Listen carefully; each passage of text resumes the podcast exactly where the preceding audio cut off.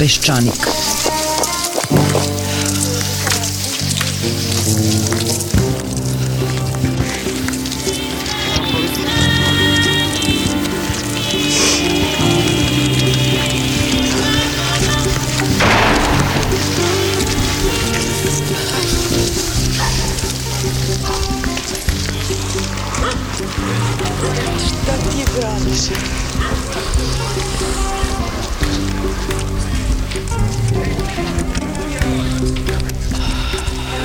Peščanik.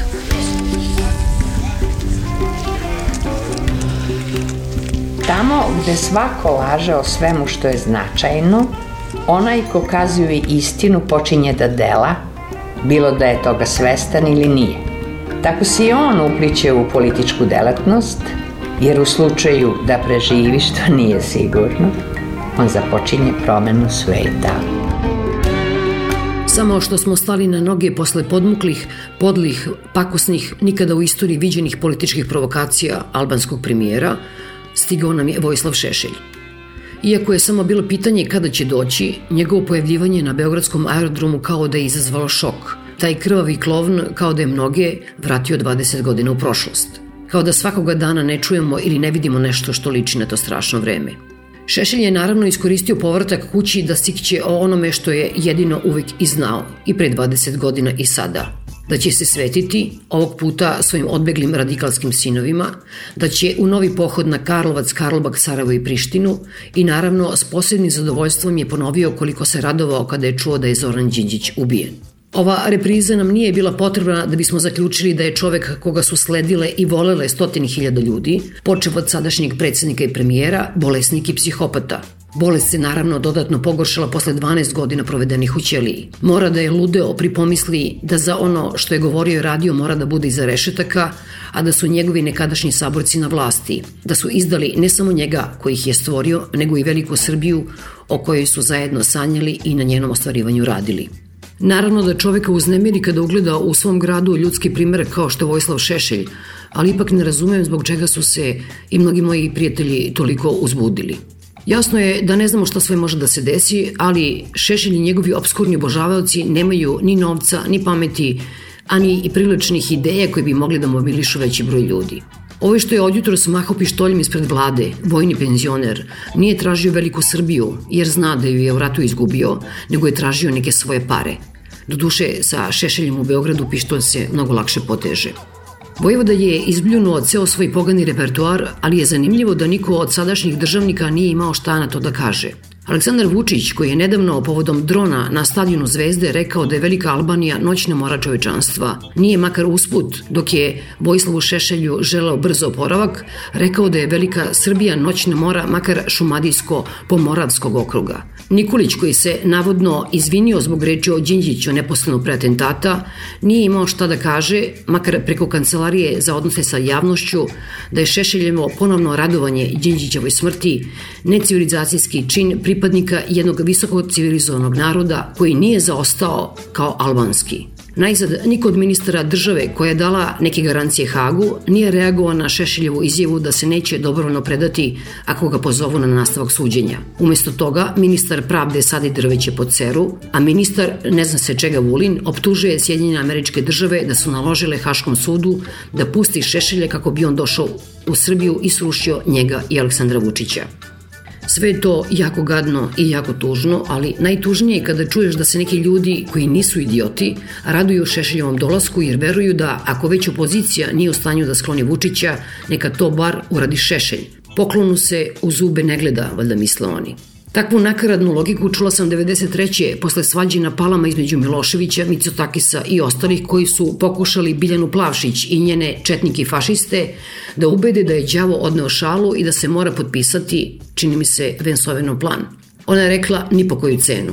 Mnogi su je posle toga uvažavali jer je bila prva koja je Miloševiću rekla ne. Znamo što je posle toga bilo. U današnjem Peščaniku govorit će etnolog Ivan Čolović, istoričar umetnosti Branislav Dimitrijević i teatrolog Ivan Medenica. Tema je bila uvođenje svojevrsnog vanrednog stanja u kulturu, ali se toga dana kada smo razgovarali na aerodromu pojavio Vojislav Šešilj.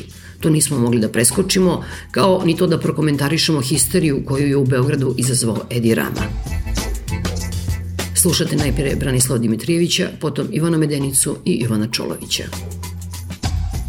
taj šešeljevski, čećeljska retorika nikad zapravo nije zamrla i ona se sad povodom posete Edija Rame i tekako ponovo pojavila u, na svim naslovnim stranama Maltene tabloida, gde smo imali priliku da vidimo jel, da neposrednu upotrebu takozvanog govora mržnje, o čemu danas više niko nigo ne govori, jel da kao nekakvom ozbiljnom problemu, pošto je govor mržnje postao jedna normalna forma komunikacije. E sad, naravno, šta sa Češeljev dolazak sve znači, to ćemo tek da vidimo. Složili smo se da on ovako izgleda fizički mnogo bolje nego što smo očekivali, tako da ove, očekujemo i na osnovu današnjih izjava da on, kako da kažemo, preuzme određenu političku ulogu. Ono što sam ja prosto danas morao da zapazim da je on izgovorio nešto što se ne sećam da je neko drugi iz opozicije trenutne vlasti izgovorio, a to je da njegov cilj rušenje vlasti Aleksandra Vučića i Tomislava Nikolića i on se na neki način time kvalifikuje zapravo za nekakvu vođu opozicije koja sada saopštava da je to njegov cilj. Samo da još jedan detalj povodom dolaska Edija Rame i odlaska, tako da kažem. Učinilo mi se ako bude još dva, tri dana da ćemo zaratiti. Tako se kretalo nekako uzbuđenje histerija. Upotrebljen je taj izraz, on je ljudski dron, tako su ga zvali u odnosu na onaj dron mali, onaj igračkicu. Da li je bilo, za tebe bilo očekivano? Pa izgleda da je prag osetljivosti e, našeg društva i naše vlasti na provokaciju veoma mali. Jer stalno se govori nekako je provokacija. Taj dron je bila provokacija, govor Elje Rame je bio provokacija, pa to što 15 minuta na RTS-u nije bilo prevoda i to je proglašeno nekom vrstom provokacije, sad ne znamo tačno sa koje sa strane, sad vratno sa strane onog neke druge strane, jel da?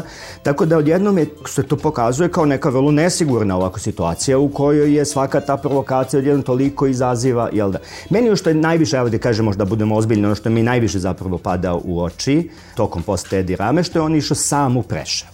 Ja mislim da nijedna ozbiljna država ne bi tako nešto dopustila. Naročito imajući na umu da ta država na osnovu onoga što inače zvaničnici naši kao VR ima stalno neke teritorijalne pretenzije zapravo prema tom delu, tako da je odlazak tog samog predsednika tamo zapravo neka vrsta aktualizacije tih interesa. Jel da prema tome, ukoliko je cilj smirivanje strasti, pojava predsednika Nikolića, predsednika Rame ili već koje ovaj, tu trebao da se pojavi, bi označila, ako ništa drugo, taj od ozgo nekakav simbolički čin. Da sam nacionalista srpski, ja bih rekao da je to ovako dosta iznajnička jedna odluka i da, da se maltene predaje severnite delo teritorije, ovaj, jel da, drugoj strani države. Slažem se s ovim što je, što je Branko rekao. Najnormalnije bi bilo da su se dva premijera zajedno pojavila tamo, ali izgleda da tu zapravo nije ni bilo želje ili potrebe da se neka sadržajna politička poruka koje god vrste ona bila pošalje, nego zapravo imamo te neke inscenacije. Dakle, s jedne strane, Edija Ramu dočekuju tamo billboardi dobrodošli gospodine premijeru, a videli smo da se isto tako pripremalo i na severu Kosovske Mitrovice Vučiću, dobrodošli premijeru. I sada imamo dve analogna cirkusa. Postavlja se pitanje kome je potrebno i sa jedne i sa druge strane zaluđivanje svih etničkih zajednica i stvaranje tih nekih dimnih zavesa po nivou nekih analogija. Aha, sad se ti predstavljaš ovde kao premijer, e sad ću ja tamo na tvojoj teritoriji da se predstavim. To u najmanju ruku je jedan amaterizam politički, jedna, jedna farsičnost, inscenacijski, loša predstava. Da li ste primetili da u poslednje vreme posle ovog drona na utakmici Albanije pojavljuje se niz novih dronova? Sad ih ima toliko da ja naslučujem da se uskoro mora konstituisati jedna posebna oblast interdisciplinarnog istraživanja drona koja će se zvati naravno dronologija. I da će uskoro da se pojave neki termini kojima ćemo i mi etnolozi i vi kulturolozi, estetičari i ostali profesori morati da se bavimo kad uđe recimo u naš jezik reč dronbulja. ili, ili dromoljublje, dronoljublje. Dronoljublje. Znači, to je šal. Kad je reč o ovoj poseti, ja ipak vidim jedan nukleos neke ideje.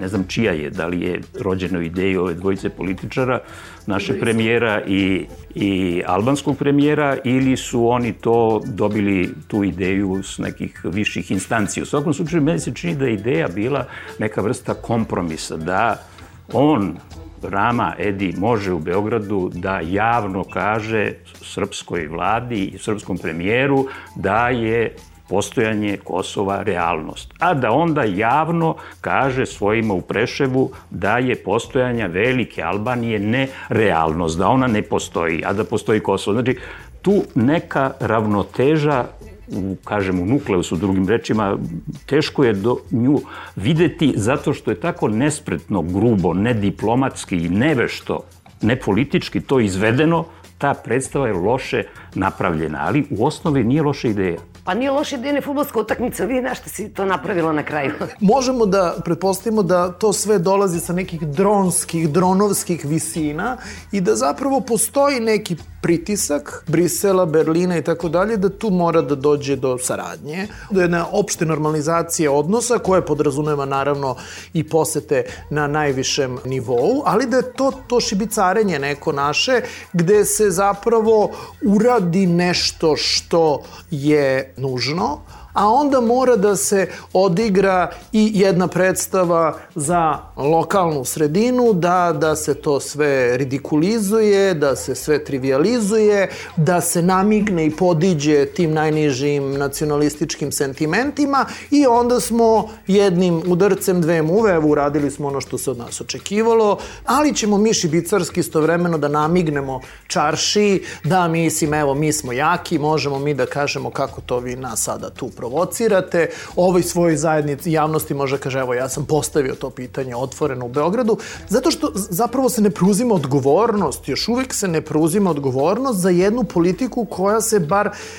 javna odgovornost koja se bar deklarativno sprovodi ili se namerava da se sprovodi, da se neka agenda briselska ispuni, ali stalno uz to sve i da se to dešava moramo da dajemo i suprotne informacije da bi to moglo da bude svareno. Kada se nekom reditelju nekoj trupi neki tekst nametne od, od ozgo, da ta predstava najčešće ne bude dobra, jel tako? I mi imamo sad zapravo tu jednu situaciju da predemo jednu vladu, znači kako je Vučić postao premijer, da stalno zapravo on mora da i glumi neku predstavu zbog toga što od toga od njega očekuje Angela Merkel, Brisel i tako dalje, a mi smo svi svedoci da on to jako šmira, da tu zapravo nikakve empatije s tim zahtevima nema i sa tim šta oni od njega očekuju i tako dalje. Onda zato to nama izgleda kao jedna predstava i zato su oni toliko, ja bih rekao, osetljivo. Oni su stalno, zato smo osetljivi na svaki podsmeh, na kakvu kritiku, na svaka stvar, jel da, znači, se stalno pokušava ubiti svaki trag nekakve kritičke reči, pa čak i humora. Evo sad su, vidim i na Kesića navalili, to je sad jedna sistematični pokušaj da se ne podsmeva uživamo toj predstavi, da, da ne kažemo ta predstava je ljudi ipak dosta smiješna. Pa da, ali samo da podsjetim da od tog uh, cirkusa ili te predstave, mislim, očas posla se strada. Ne, neću da se vraćam uopšte na 90. kada smo mi videli prvi put ljude sa kokardama i šajkačom i kad se videla Ratka Mladića sa šapkom. Izgledaju kao da su izašli iz filma ovoga, Veljka Bulajića, kao sada, duše, zaista ovaj, na drugom nivou, posle drona paljenje po Vojvodini ja mislim da je tu zapravo taj ključni neki problem na liniji ovoga što je Branko govorio, što mi zapravo još uvek ne možemo da procenimo šta je tu realna politička agenda koja se sa svešću i namerom sprovodi, a šta su, kako se zove, divne zames, zavese da bi se to eventualno lakše prihvatilo u jednoj sredini koja se još uvek nije suštinski transformisala.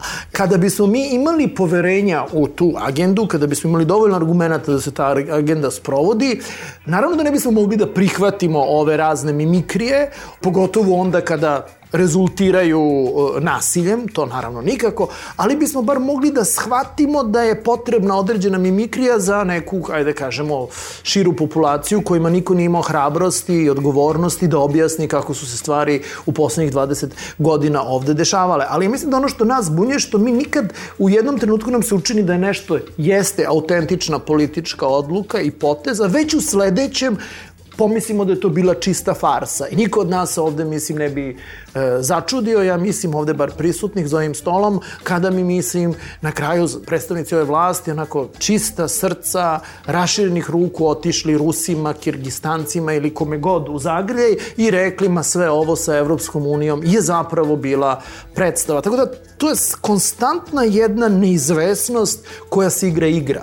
I takvi signali se i šalju od same vlasti. Znači ono što je radi on, taj, taj ministar Vulin, jel da, znači on u jednom danu kaže da je dolazak Šešelja zavera zapravo zapada, u drugom danu da je to zaslog Aleksandra Vučića. Da. Znači on, mislim, u dva dana bez ikakvog problema, bez ikakvog, što se kažem, blama, jel da, govori potpuno dve suprotne stvari koje bi u normalnoj zemlji bile a nešto što bi se zvalo destabilizacija vlade. Da. Dakle, nego iz vlade daje oprečne, potpuno diametralno suprotne informacije od dana, taj destabilizuje vladu, ne znam u čemu se radi. Jel? Zaista je važno ovo pitanje povodom paljenja pekara. Da li je to tako neki nesporazum ili ipak to ide u skladu sa nekom naredbom koju mi ne čujemo, ne vidimo, ali koja efikasno stiže do onih koji treba da je izvrše. I ko su onda ti naredbodavci? Da sad ne bismo ulazili u histeriju i paranoju teorije zavere, ali neophodno je videti imali u svim tim slučajevima neke logike nekog, opet da se vratimo na drona,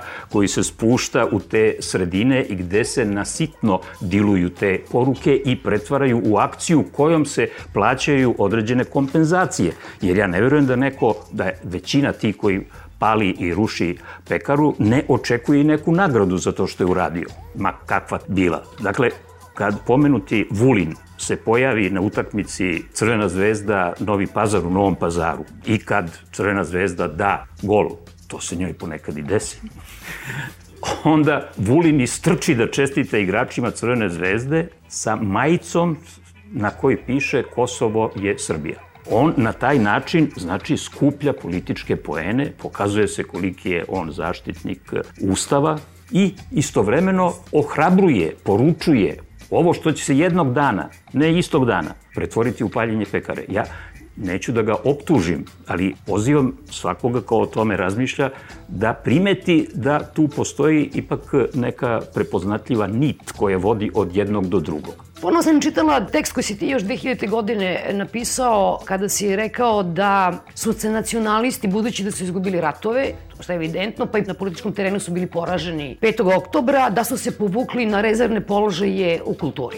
I sad ja ne znam kako da shvatim sve ovo što se kasnije događalo i, i čemu prisustujemo poslednjih meseci, je to neka kontraofanziva. A uzgled kada govorim o ove pekari, tu ću da završim ta deca koje su pala od te pekare. One su rasle i socijalizovala se u post 5. oktobarskoj Srbiji. Da, ne, moram da kažem da mi je pomalo neprijatno, da se osjećam malo neprijatno, da ne kažem glupo što ponovo po ko zna koji put o politici, kulturi i nacionalizmu jer i ovaj, ovi novi povodi, mislim na smenu upravnice direktorke Kulturnog centra Beograda i promene koncepcije e, oktobarskog salona i taj novi povod se ne razlikuje mnogo od nekih ranijih povoda, tako da i sad kad o tome pričam, kad o tome govorim, moj komentar će se nužno malo razlikovati od onoga što sam, evo ti se sećaš nečega što sam govorio ili napisao još 2000. godine u stvari događa se ista stvar. Odnosno, opet se događa nešto što sam ja davno već nazvao terorom u ime nacionalnog identiteta, terorom u ime nacionalne kulture. Jer se opet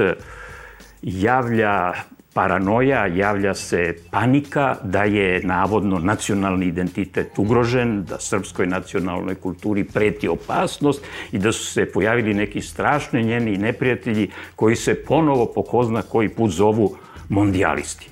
I jedino što ja kao pozitivno u tom najnovijim primjerima mogu da vidim, to može da razveje iluzije onih koji misle da je vreme nacionalizma, posebno vreme nacionalizma u kulturi u Srbiji, prošlo davno. Da je srpska kultura siromašna, bedna, zapostavljena i tako dalje, ali slobodna. Nije to više kultura opterećena onim bremenom nacionalizma iz 90-ih. A to je jedna vrlo rasprostranjena iluzija. Govorim o smeni Mije David i promeni koncepta oktobarskog sonata. Dakle, vidim da je gradska vlast dala na upravljanje kulturni centar u ruke nacionalistima opet moram da kažem zašto se to događa. Čini mi se da se događa i ovog puta iz istog razloga iz kog su se te stvari događale i ranije. Zato što nacionalistima politika kulturnog centra, koja je, koliko ja znam, zasnovana na ideji da umetnost i kultura Beograda i Srbije treba da budu promovisani, afirmisani i negovani kao deo evropskog kulturnog prostora. To ne prolazi kod nacionalista iz jednostavnog razloga što je za takozvano nacionalističko shvatanje zadatak osnovni kulture da bude granica koja će nas odvojiti od Evrope, od sveta i svakog drugog. Za nacionaliste je evropska kultura jedna kultura, srpska kultura druga kultura. Oni kažu možemo mi ceniti i poštovati evropsku kulturu, ali ono što ne smemo nikako brkati te dve stvari. Jer za nacionaliste kultura nije ono što nas uključuje u svet. Ono je naprotiv, ono što nas isključuje i izdvaja ono što nas razgraničava, distancira. Zašto? Da bismo bili, kako se tu obično kaže, svoji na svome, odnosno da bismo bili ono što smo. Jer kako bismo bili ako bismo se utopili u tako strašne neke stvari i prostore kao što je evropski kulturni prostor. Ekonomija to može da bude evropsko, ako hoćeš i svetsko, ali nemoj kultura. Ona mora da bude srpska. E, mislim da je i ovim poslednjim slučajevima to ona osnovna poruka. To je ona poruka koja se i u ovom incidentu dešava. I naravno to nije prvi put. Evo ja bih vas podsjetio na slučaj Sretena Ugričića. To je poruka i tog slučaja i te smene. I isto je važno sada se setiti toga, to je bilo ima skoro tri godine, da je kulturni centar koji je i tada imao direktorku koja se zvala Mija David, bio mesto na kome su se okupili ljudi koji su protestovali protiv smene Sretena Ugričića. I bojim se da sada, posle malo čekanja, je došao račun da se naplati i za taj slučaj. Ja bih tu dodao i to da još jednu poruku iščitavam u ovim novim slučajevima i o tom starom i ovim novim slučajevima kad je reč o kulturi i ideologiji, a to je poruka da Srbin ne može svojom glavom i svog uverenja biti antinacionalista.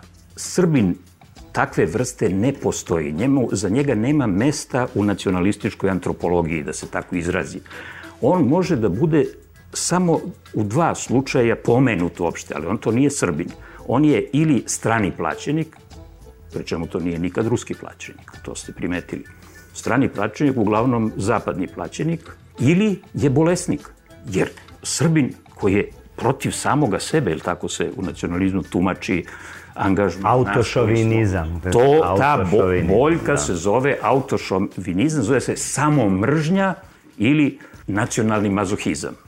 To su neke važne poruke koje se na taj način šalju. Opet dolazimo do toga kako se šalju kojim kanalima. Nema tu dekreta, nema nekih programa, ne piše u preambuli Ustava sve ovo o čemu mi ovde pričamo, ali se, su one tu.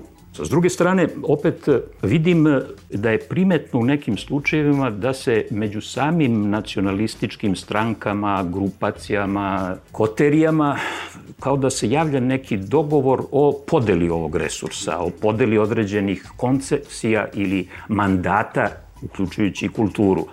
Tako da je bio jedan slučaj koji možemo da pohvalimo kao slučaj gde se vidi transparentnost te podele kad se ova nova predsednica Demokratske stranke Srbije, Sanda Rašković-Ivić, javila da kaže da je njena stranka od svojih partnera u gradskoj vlasti dobila mandat i koncesiju da njeni kadrovi upravljaju kulturom grada. I čak se odmah pohvalila da je zahvaljujući tome će ta kultura biti sada ne više mondialistička, nego više srpska. Pazi, ovo je otprilike citat šta je ona rekla. Znači, dogovorili su se ljudi, tamo onaj sekretar rekao sve je legalno i po zakonu, izvolite, mi ćemo upravljati kulturom, dobili smo monopol, koncesiju i ta kultura će biti ovakva, biće srpska. Uvek je taj utisak bio da su takozvani odbori za kulturu političkim strankama jedina mesta gde su još uvek proizved neke ideologije. I da su to uglavnom po pravilu desne ideologije, uključujući u odbor za kulturu demokratske stranke, koji je upravo najviše uticao na pomenutu smenu Sretena Ugričića. Tako da ovaj, je interesantno koliko se ideologija još uvek u kulturi na neki način postoji i koliko je zapravo, bez obzira što se ravno radi pre svega neke vrste političke igre, a glavni dalje razlozi, recimo s mene Mije David, su zapravo to što napravili izložbe albanskih umetnika, što se bavila Beograd na vodi, na primjer, a mislim da je ona jedan od glavnih razloga njene smene, upravo što je dala veliku, veliku platformu protestima i različitim vrstima tribina i tako dalje, koji su razotkrivali te komplote oko slučaja Beograd na vodi. Tako da je jasno bilo da je ona morala da bude sklonjena odatle. Sad, više je interesantno na koji način je to rade. Znači, mi imamo situaciju u kojoj je odbor za kulturu Srpske napredne stranke se stalno pojavljuje kao veoma slab zapravo da sam sprovede to što se mora sprovesti. Pa onda on traži svoje pomagače i pronalazi ih upravo u Demokratskoj stranci Srbije, kad je Vučić pravio vladu, jel da njegova osnovna obsesija je da pravi nekakvu zapravo liberalnu vladu koja će da sprovodi ekonomske reforme, jel da i sad sigurno tu mnogo čemu nije mislio o kulturi, I onda je u tom duhu je očigledno njegov predlog bio da Ivan Tasovac bude ministar kulture jer je on taj neki menadžer jel da koji se pojavljuje kao idealno rešenje za tu jednu liberalnu priču.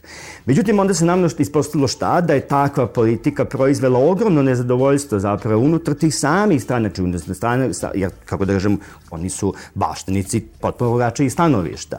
I onda je zapravo, kako je Tasovcu dato da bude ministar kulture, a ovima drugima koji su okupljeni oko bivšeg ministra Petkovića, oko ove tih krugova iz DSS-a takođe i tako dalje. Zna se to koja je to ekipa, tu ima i nekakvih vrlo izrazito desnih pojedinaca i tako dalje, bliski nekim baš ultradesnim političkim opcijama. Tačno se vidi kako se stvara jedna, kako da kažemo ovako, slavska jel da, situacija kojima je dato da tu situaciju u kulturi u Beogradu raščiste. To raščišćavanje je počelo sa kulturnim centrom Beograda, posebno s tim oktobarskim salonom, ja imam utisak da pre svega zato što je tu najlakše bilo to probati. Eto, oni će taman da tu oslabljenu jednu situaciju koja je ovako onako probušena zbog toga što je i na samoj umetničkoj sceni jako je puno onih umetnika koji kažu pa jeste, ipak se suviše velike pažnje posvećivala nekoj stranoj umetnosti, pa tim nekim albanskim umetnicima, pa onda ta Jugoslavija, pa zašto opet ta jugoslovenski prostor, zašto se mi uopšte i opet interesujemo za neke umetnike iz Hrvatske i Slovenije. Oni se ne interesuju za nas, a što se mi interesujemo za njih. Tako da jedna klima tu već bila na neki način stvorena u kojoj se zapravo sada kazalo, eto sa taj oktobarski salon će biti ponovo vraćen umetnicima. To je zapravo teza. Znači, on će sad zapravo biti oduzet od, iz ruku nekakvih mundijalista, bit će vraćen na našoj lokalnoj sceni i to će biti mesto gde će se ta lokalna scena videti. Imamo uvijek utisak da ova vlada čudno se ponaša, ona se nekako zaverenički, ona kao ima neku neviđenu moć, neviđenu podršku, znači može da radi šta hoće. Ali uvek kada te menjaju te ljude po tim institucijama i tako da se pojavljaju kao neki zaverenici, jer Mija David je tako smenjena u jednom danu, rečeno u pet popodne će da dođe ta nova žena da preuze, pa se tad još nije ni znalo ko će ta nova žena da bude. Mi ne znamo ko je ona, pa smo svi googlovali tu ženu, pa niko nije ništa onda našo, ko je neka zaverenička grupa koja je tajno negde van Google-a, jel da, van interneta upada u te institucije i kako da pravi kao nekakav, nekakav red. Nego će biti upravo red je ono što oni ne prave. Oni proizvode zapravo haos i mislim tamo su u tom gradskom sekretaraju za kulturu dok mi pričamo o štednji su zapošljeni novi ljudi pa se onda uspostavlja odmah da svi ti imaju nekakve rodbinske veze sa ili gradonačelnikom i njegovim bratom. Ja sve više i više to ovako se na kojoj manjoj porodičnoj jednoj priči ovaj, sve više i više završava što meni daje jedan utisak da je naravno kao nekom simboličkom smislu, ba kad je kulturna politika u pitanju, ta stvar vrlo trula. Ali naravno ta trulost, mi vrlo dobro znamo, može vrlo lako da tako traje godinama, jer u ovom trenutku zapravo smo je na delu jedno temeljno isključenje čitave sfere kulture iz bilo kakvog procesa savjetovanja, donošenja odluka i tako dalje, da bi se na način oslobodio prostor, da se onda vidi ko bi sad u taj ispražen prostor ušao uvek će biti nekoga ko će ući u taj prazan prostor i onda se zapravo fingirale ponovo nekakav novi umetnički poredak koji će naravno, slažem se sa Ivanom, biti zasnovan na nacionalizmu, ali ovog puta na nacionalizmu koji će imati i taj predznak naše robe. Da je umetnost neki brend koji će biti ipak na kraju nešto što će moći da se verifikuje na tržištu, jer u krajnjoj liniji jedino tržište će davati taj svoj su. Pa setite se kad su Sretena Ugričića rušili, glavni argumenti protiv Sretena Ugričića je bio da on manipuliše zapravo tako tako što daje nagradu ne naj, on je ukinuo da se daje nagrada najčitanijem delu, nego od izvesnog izbora onda se izabere neko ko je najkvalitetniji od toga. Tržište, valjda, ako kaže tržište da je ovo najbolja knjiga jel da, u Srbiji danas, Pa to je najbolja knjiga i nema nikakve sumnje. I naravno kad se to fino poveže onda dobijamo ono što ja zovem neka azerbejdžanizacija. Ono što kaže, mo, mo, molitva i shopping, jel da to su dve stvari ove koje nam preostaju.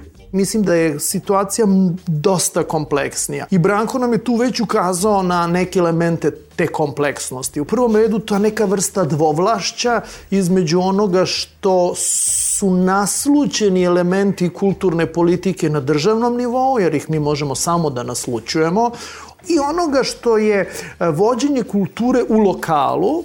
Mi sad imamo u vidu Beograd, ali naravno nismo zaboravili slučaj Novog Sada, mislim slučaj kulturnog centra Novog Sada i tih skandala gde se ima utisak kada govorimo o tom dvoblašću, da su tu mnogo prisutnije te neke ogoljeno nacionalističke ideologije. E sad, druga vrsta razgraničenja na kojoj ćete me razumeti da mi je vrlo stalo i to je nešto što si ti već naglasio, različite su situacije u različitim umetnostima.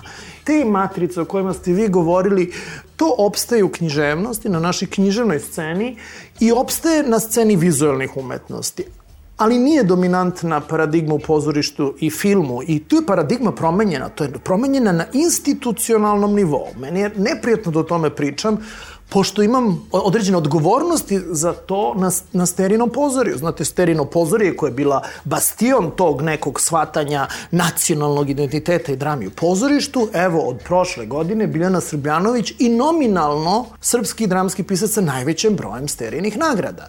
U našem pozorištu danas dominiraju institucionalno, pazite, nikakvom alternativnom, dominiraju reditelji 30. godina i to na velikim scenama naših vodećih pozorišta.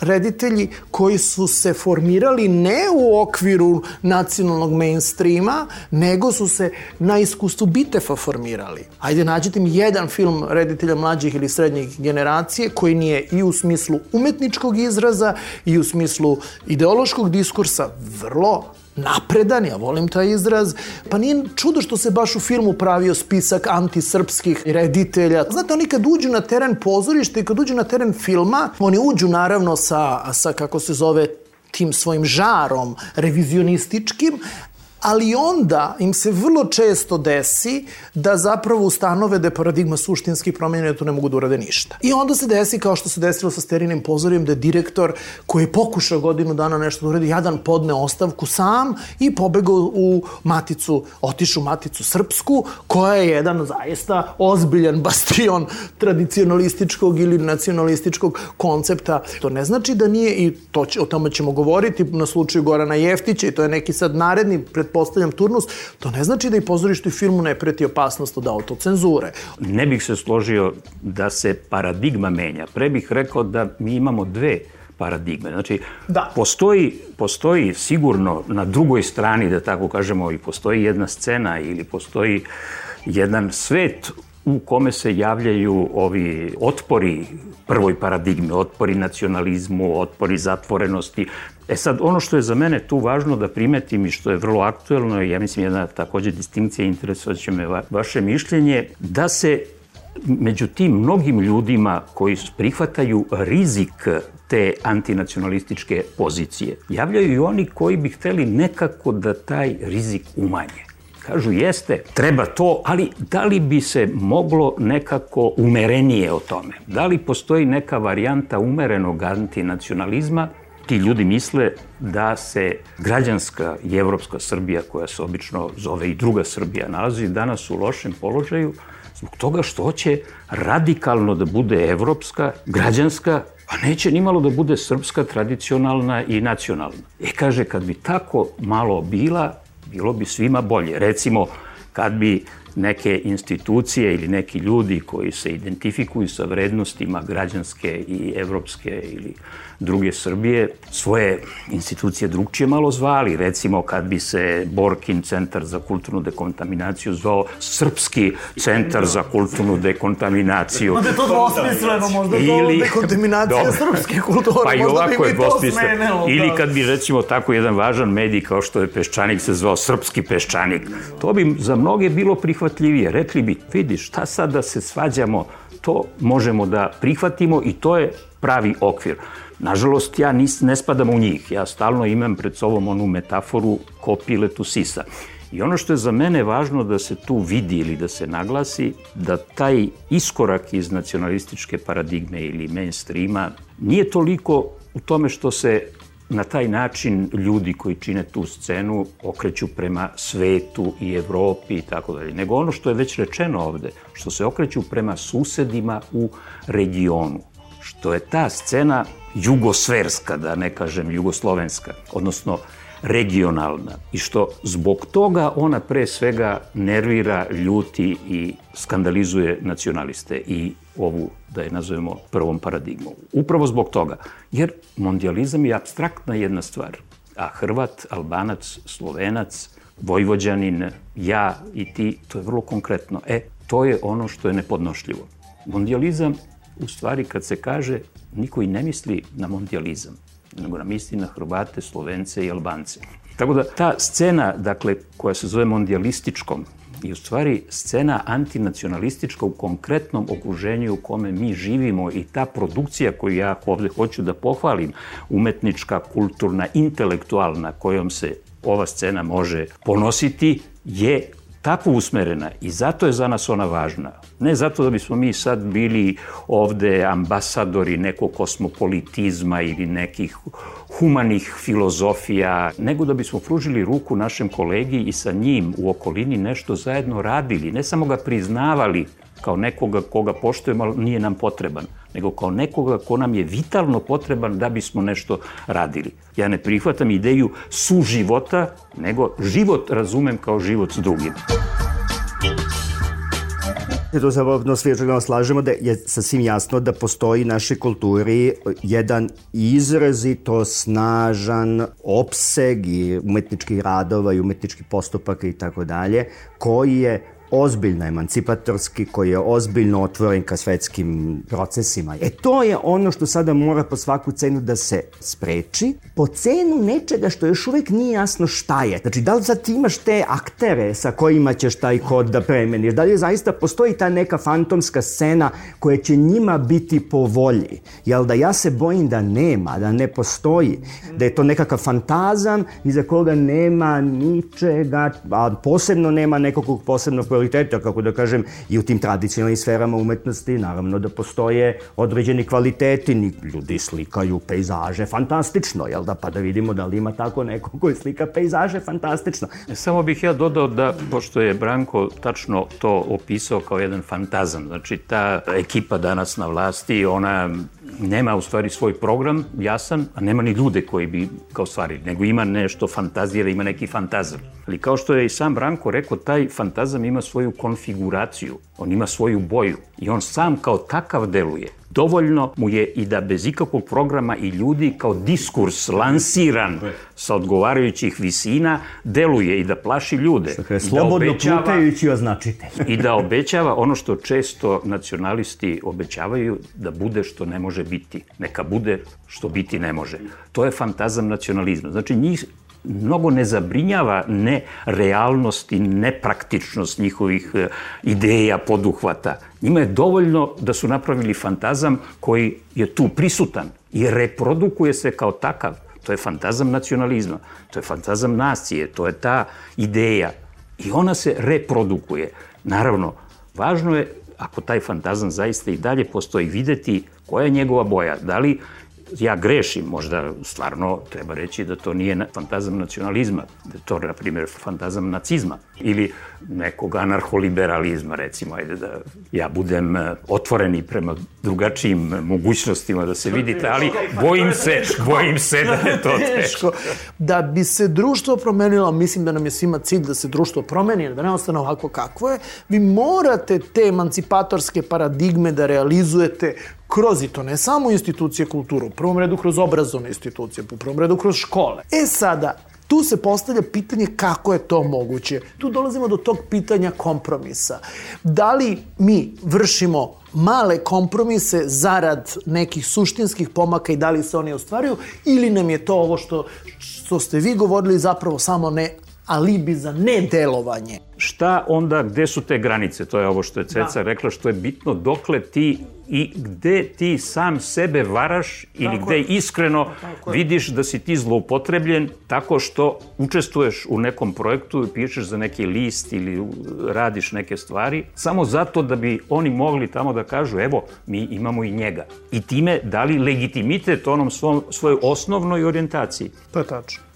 Ali ja bih samo još ne, kratko za ovu priču oko čega smo se, mislim, oko svega smo se složili, ali ovo u vezi sa, sa tim fantazmima njihovim, tu mi zaboravljamo jednu stvar.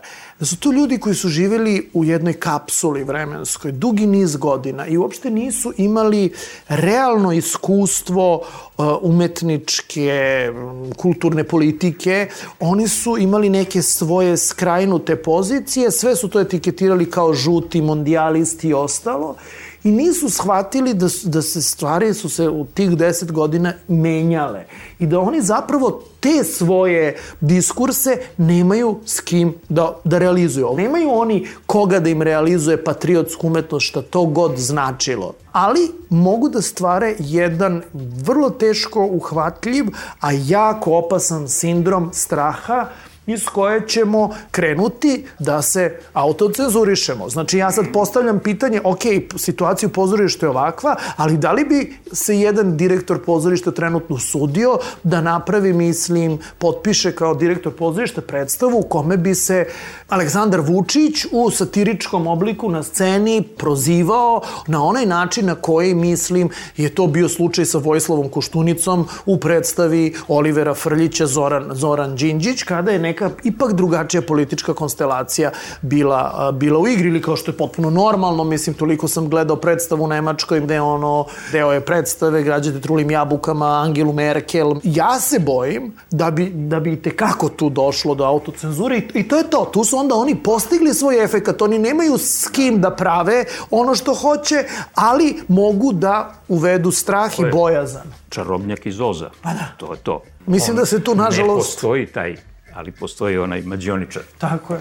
Davanje trećoj Srbiji kulture u Novom Sadu je sam, kako da, esencija te politike, da, jel da? da znači, mi kažemo, kultura je za to, jel da? Znači, možda nije ekonomija za treću Srbiju, ali kultura je svakako za treću Srbiju, jel da? Mislim, to je to. Sadašnja vlast je da se najviše hvali time, da za razliku od prethodne je konačno počela da raspisuje konkurse. I to je tačno. Ali šta rade? Znači, obaraju. Svaki od tih konkursa je zapravo oboren i na mesto tog konkursa se postavlja vršilac dužnosti koji je direktno imenovan, jel da, od strane toga, što kaže, neko ko se tu zateko u hodniku Skupštine grada. Je. Tako da je tu sasvim jasno da o, se sprovodi, znači, postepeno, kapilarno preuzimanje zapravo ti institucija sa jednom idejom koja je izgovorena, to je, ja mislim da Katarini Živanović neko rekao na ulici, bukvalno kaže, vaše vreme je gotovo, sad dolazi naše vreme. To je zapravo palanačko, šibicarsko, ono daj meni sad jedan krug da teram biciklo. Da biciklo da. Mislim, to je to, to je samo vi, vas je bilo mnogo,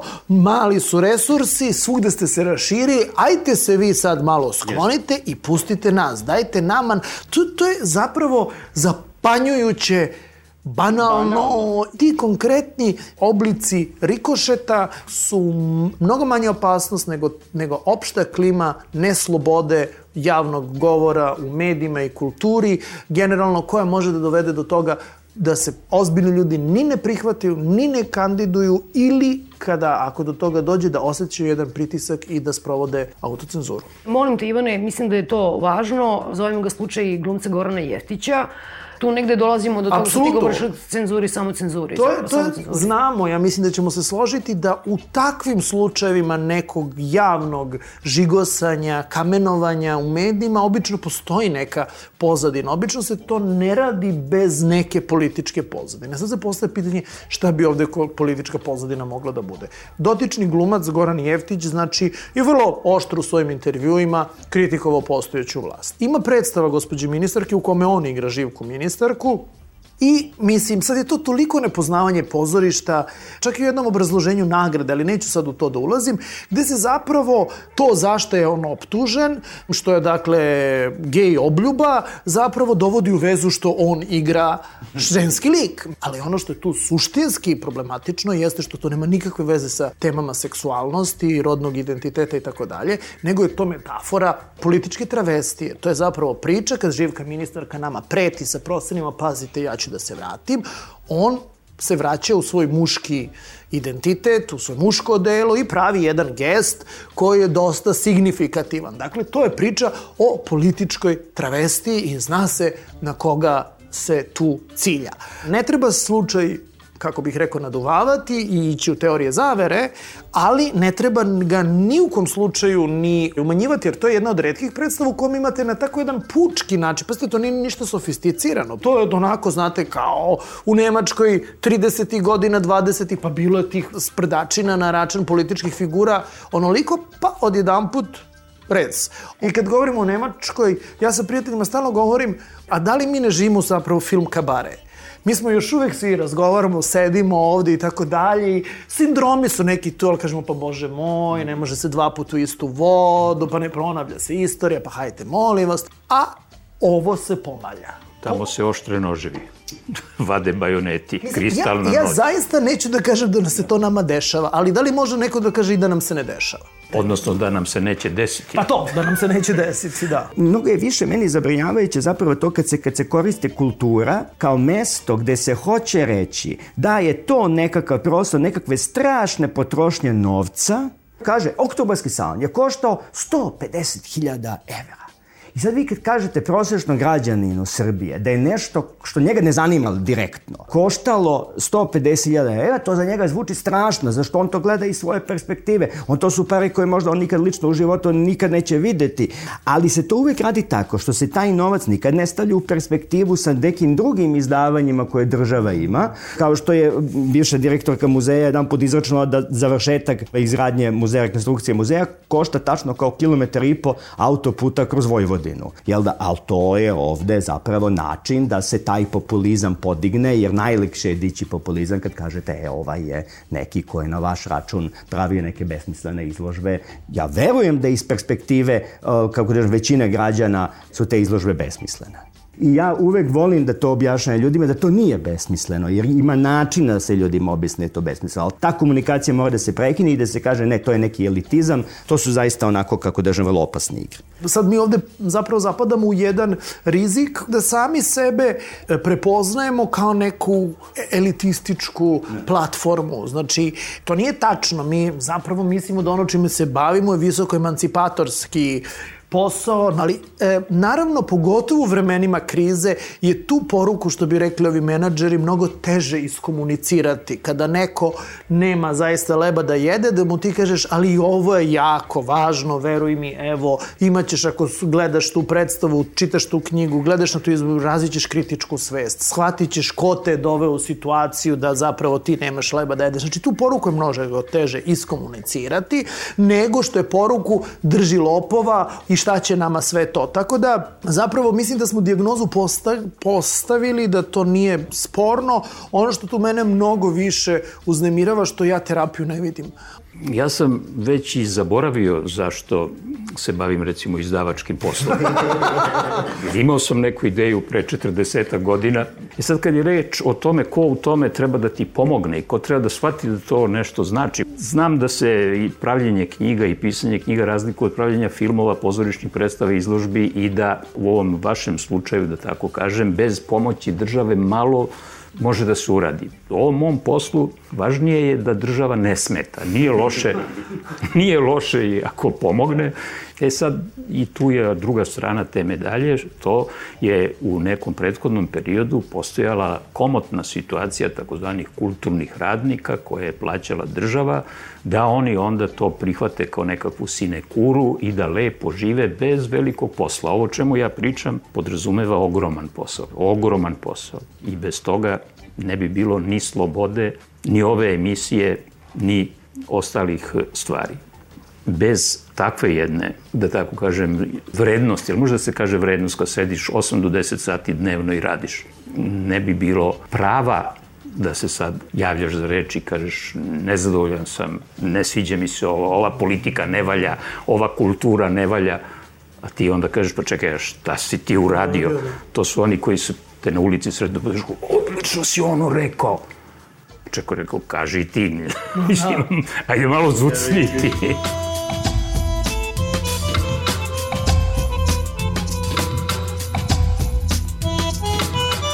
Bio ovo Peščanik, govorili su Ivan Čolović, Branislav Dimitrijević i Ivan Medenica.